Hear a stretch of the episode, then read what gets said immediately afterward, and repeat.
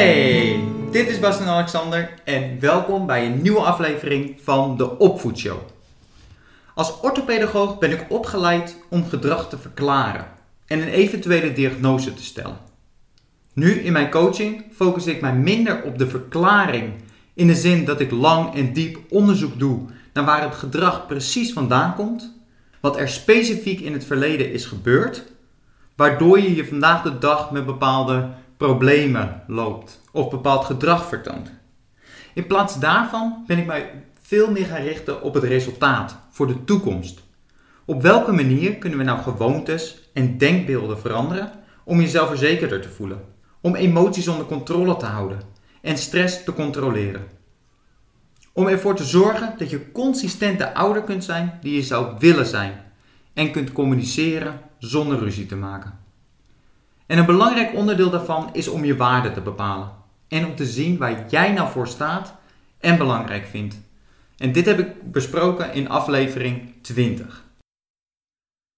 En vandaag wil ik het hebben over een ander onderdeel. En dat zijn namelijk je overtuigingen. Overtuigingen zijn generalisaties waarin je gelooft en eigenlijk vanzelfsprekend van uitgaat. Je wordt niet geboren met overtuigingen, maar je ontwikkelt deze door je levenservaringen en verwachtingen van buitenaf. Het zijn als het ware conclusies die je hebt getrokken uit een ervaring en deze conclusie projecteer je vervolgens op een vergelijkbare ervaring in het heden of in de toekomst.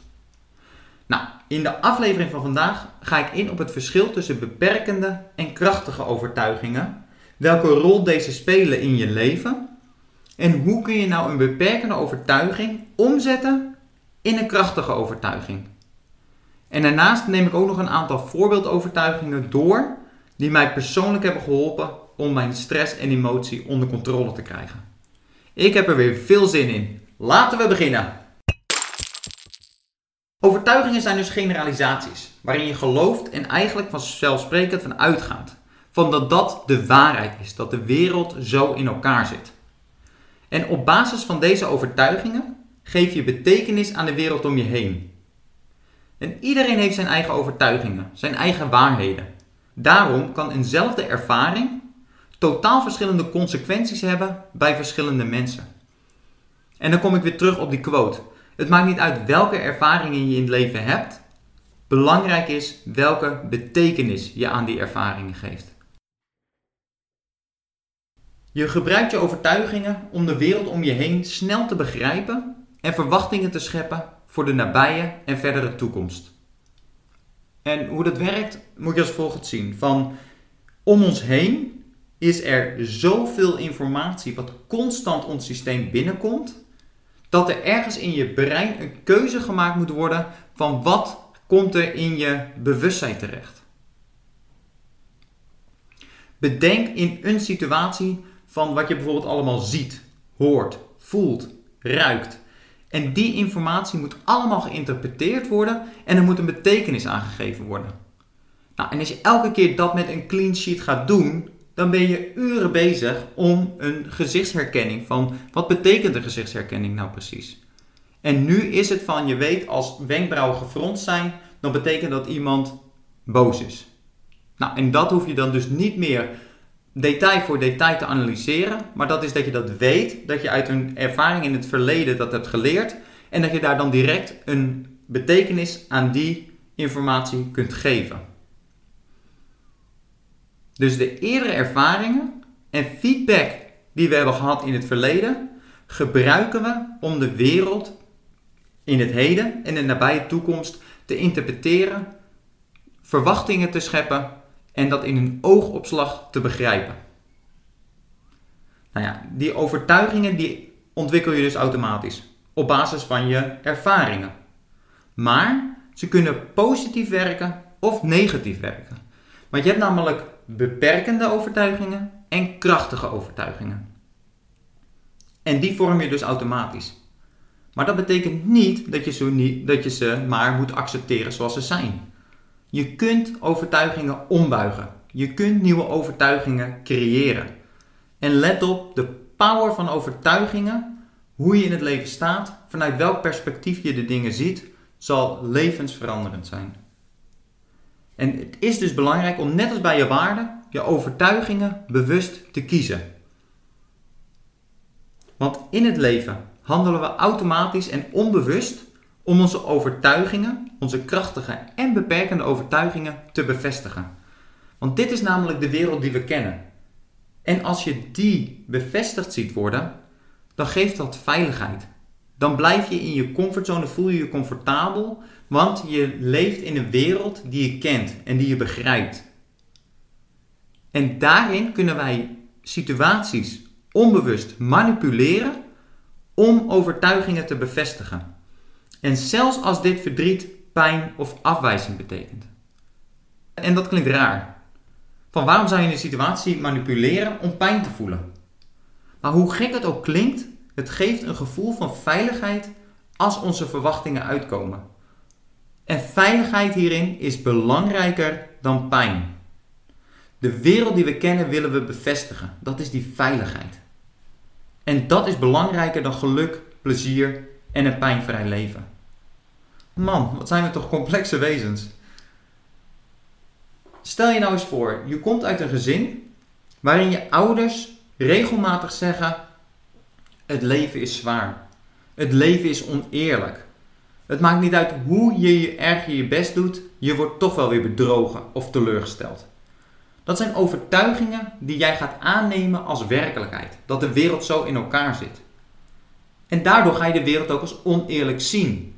Daardoor krijg je informatie in je bewustzijn die dat beeld van de wereld bevestigen.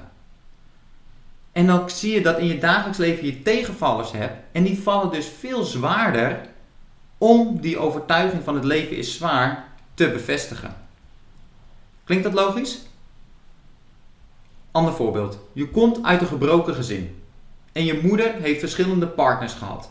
En één voor één hebben die haar bedrogen en hebben haar verlaten. En dit kan weer bij jou als een overtuiging zorgen dat mannen niet te vertrouwen zijn. En vroeg of laat vertrekken of bedriegen. En dat wordt dan de wereld die jij kent en die jouw veiligheid gaat bieden. Dus als jij dan op latere leeftijd een relatie hebt en je, en je gaat die relatie met die overtuiging in, dan zul je zien dat jij de relatie gaat onbewust gaat manipuleren en eigenlijk je partner weg gaat duwen totdat die jou verlaat of jou bedriegt. Want dan klopt de wereld weer. Dan klopt jouw overtuiging weer. Het is als een soort van zelfbescherming om je niet kwetsbaar op te stellen om nog meer pijn in de toekomst te voelen. En dit zijn maar voorbeelden, maar ik hoop dat je de kracht van overtuigingen kunt zien. Want hetzelfde geldt namelijk voor overtuigingen over geld, over geluk, over intenties van andere mensen. Zijn mensen goed of zijn mensen slecht? Over je opvoeding, over je relatie, gezondheid nou, en nog vele andere onderdelen van je dagelijks leven. En de overtuigingen komen ook terug in je zelfpraat en in je stressmanagement. Want dan kom ik weer terug op dat duiveltje op je schouder. Die weet altijd wel raad op het moment dat jij in een stresssituatie zit om de situatie te verergeren, om je naar beneden te praten. En hierin kan de overtuiging ook een hele goede rol spelen, een hele power invloed hebben om het duiveltje stil te krijgen. En je kunt het zien als dat die overtuigingen munitie zijn voor het engeltje om je daarbij te helpen. En hierdoor zul je de situatie vanuit een ander perspectief zien, waardoor het een andere invloed op je leven zal hebben. Stressoren zullen er altijd blijven. En hoe hard we ook ons best doen om stressoren uit ons leven te bannen en hoe erg we ook zien van dat we een stressvrij leven willen, we moeten het gaan omarmen. We moeten stress is belangrijk in je leven. Ook hier heb ik het eerder al over gehad van wat voor een kracht en power en moed en groei je uit stress kunt halen. En dat is dus ook weer een overtuiging over stress. Zie jij stress als iets als slechts en als iets wat vermeden moet worden? Dan is het dus op het moment dat je stress hebt, dat je dan de put in raakt en het slachtoffer bent van die stress. Terwijl als je een overtuiging hebt van hé, hey, stress is goed, een negatieve emotie kan heel mooi en heel goed zijn, dan ben je niet meer het slachtoffer ervan, maar dan ga je zoeken naar hoe kun je het gebruiken in je leven om moedig te zijn, resultaten te bereiken, connecties te maken, etc. etc. Dus dat bepaalt dan niet de stressor, maar jouw reactie op die stressor bepaalt welke invloed het heeft op je dag. En dat hangt dus af van die betekenis die je eraan geeft. Beland je in negatieve zelfpraat en maak je de situatie erger? Of snap je uit de situatie door je krachtige overtuiging de betekenis van de situatie te laten veranderen? Nou, bijvoorbeeld, je hebt een vergissing gemaakt op je werk en je leidinggevende wijst je op deze vergissing. Een beperkende overtuiging kan zijn: ik ben niet voldoende. Anderen bepalen mijn zelfwaarde. Ik ben een indringer, imposter syndroom. Dat soort gedachten kunnen naar boven borrelen. Maar als jij power, krachtige overtuigingen hebt, dan is dat dus die munitie voor dat engeltje van fouten maken is oké. Fouten maken is menselijk. Waar gewerkt wordt, worden fouten gemaakt. Je mag fouten maken. Ik ben voldoende, ook al maak ik een fout. Dat is dan die overtuigingen van over fouten maken, die je als munitie aan het engeltje kan geven om op dat moment je te helpen, om je beter te laten voelen en zo'n vergissing niet een hele negatieve impact op je dag te laten hebben. Of een ander voorbeeld van je hebt een meningsverschil met je partner en die zegt iets lelijks. Is dit omdat hij een eikel is en hij jou pijn wil doen? En dan kom ik ook weer terug op mannen zijn niet te vertrouwen. Of doet hij zijn best en kan hij gewoonweg niet beter? En Brene Brown die heeft het gewoon als een, als een levensovertuiging van iedereen doet zijn best. En dat is een voorbeeldovertuiging die ik zelf ook heb omarmd. Van op het moment dat ik vind dat iemand iets lelijks doet of dat ik, niet, dat ik iemands gedrag niet begrijp, dan komt die overtuiging bij naar boven. Hij of zij doet zijn of haar best. En als het, als het iets lelijks is, dan is dat uit een bepaalde frustratie of wanhoop of emotie.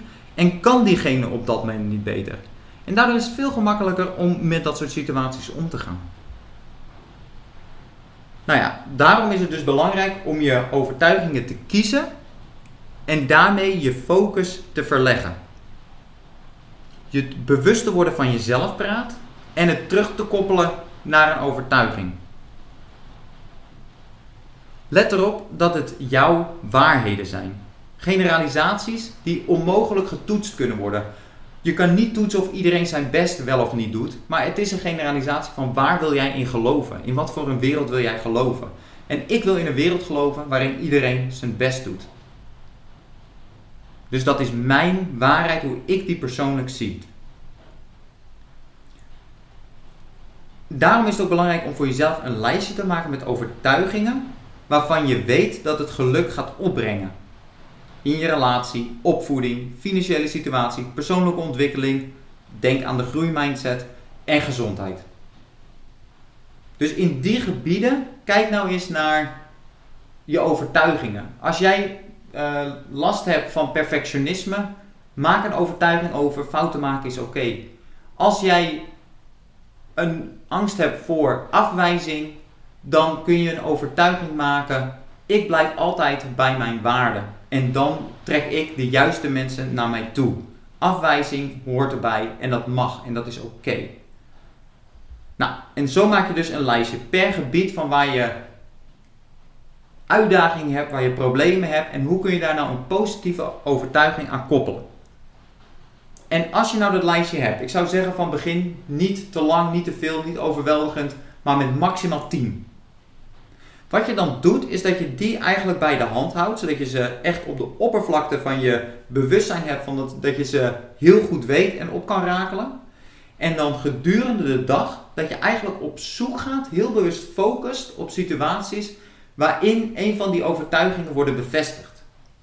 En dit kun je dus doen door elke dag heel kort even te evalueren waarin een overtuiging wordt bevestigd.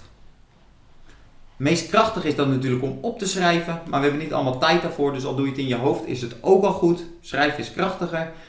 Maar om elke dag even kort eens bij stil te staan van welke overtuiging heb ik vandaag kunnen bevestigen. En dan kan het bijvoorbeeld zijn van het leven lag mij toe als overtuiging. En dan ga je dus op zoek naar van wanneer had ik een mazzeltje. Wanneer ging iets vloeiend, ging eigenlijk iets heel erg makkelijks. Of veel gemakkelijker dan je dacht. Nou, en focus dan op de bevestiging van die overtuiging. gedurende de dag zoeken naar momenten waarop je nieuwe overtuiging wordt bevestigd. En houd deze bij in een journal. Overtuigingen zijn dus one-liners die je opschrijft, herhaalt en in het dagelijkse leven zoekt naar bewijzen dat ze kloppen. Een andere manier om een overtuiging te kiezen is om naar een beperkte overtuiging te kijken en die om te zetten in een krachtige. Het leven is zwaar, kun je omzetten naar het leven lacht mij toe. Mannen zijn niet te vertrouwen, kun je omzetten naar iedereen doet zijn best.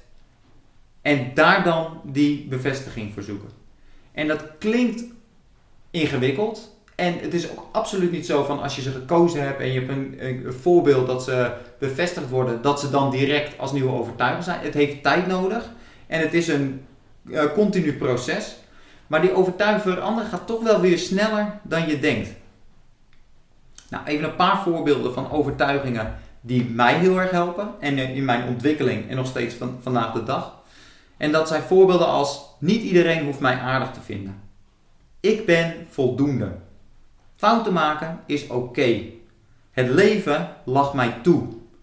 Iedereen doet zijn best. Ik heb het recht om grenzen te stellen. Ik heb het recht om nee te zeggen zonder uitleg. Niemand kan mij boos of gefrustreerd maken. Ik laat dit gebeuren. Ik ben verantwoordelijk en heb controle over mijn emoties. En dan de laatste als voorbeeld: het is oké om af en toe een asshole te zijn. En dat is voornamelijk in het verkeer van als iemand je afsnijdt of als iemand iets doet, dat je dan van hey, it's okay to be an asshole sometimes. Van dat zijn dus van die dingen van als je afgesneden wordt, ga je daar dan heel lang op door. Of is het zo simpel als it's okay to be an asshole sometimes en weer door. Oké, tijd voor de challenge alweer. Dit waren dus maar voorbeelden van mijn overtuigingen. En ze kunnen je helpen dat je denkt van hé, hey, hier relateer ik aan, ik wil die overtuiging ook overnemen. Neem ze alsjeblieft over. Maar denk ook na over andere overtuigingen. Van welke overtuiging zou jou heel erg helpen als dat de waarheid zou zijn in jouw wereld? Loop die lijst eens na. Pas aan waar nodig en vul hem aan met krachtige overtuigingen voor jezelf. Hou vervolgens voor aankomende week, dus ik vraag het echt voor één week, want nogmaals, ik wil dat de resultaten voor zichzelf spreken, in je hoofd of in een journal bij, waarin die krachtige overtuigingen worden bevestigd. Als deze, als deze onderwerp, als deze podcast, als deze aflevering je nou heel erg hebt geholpen, als het op een bepaalde manier je oog hebt geopend, zou het me ontzettend helpen als je hem zou delen met iemand anders. Wie in jouw omgeving zou ook heel erg veel profijt hebben van deze informatie? Je kunt de aflevering delen, al is het maar met één persoon. Het zou ook mij heel erg helpen. Daarnaast kun je ook een recensie achterlaten op iTunes bijvoorbeeld. En als je dat zou willen doen, zou ik ook echt geweldig vinden. Dit was de aflevering voor deze week. Heel veel succes. Zet hem op, je kunt het. Tot volgende week. Ciao.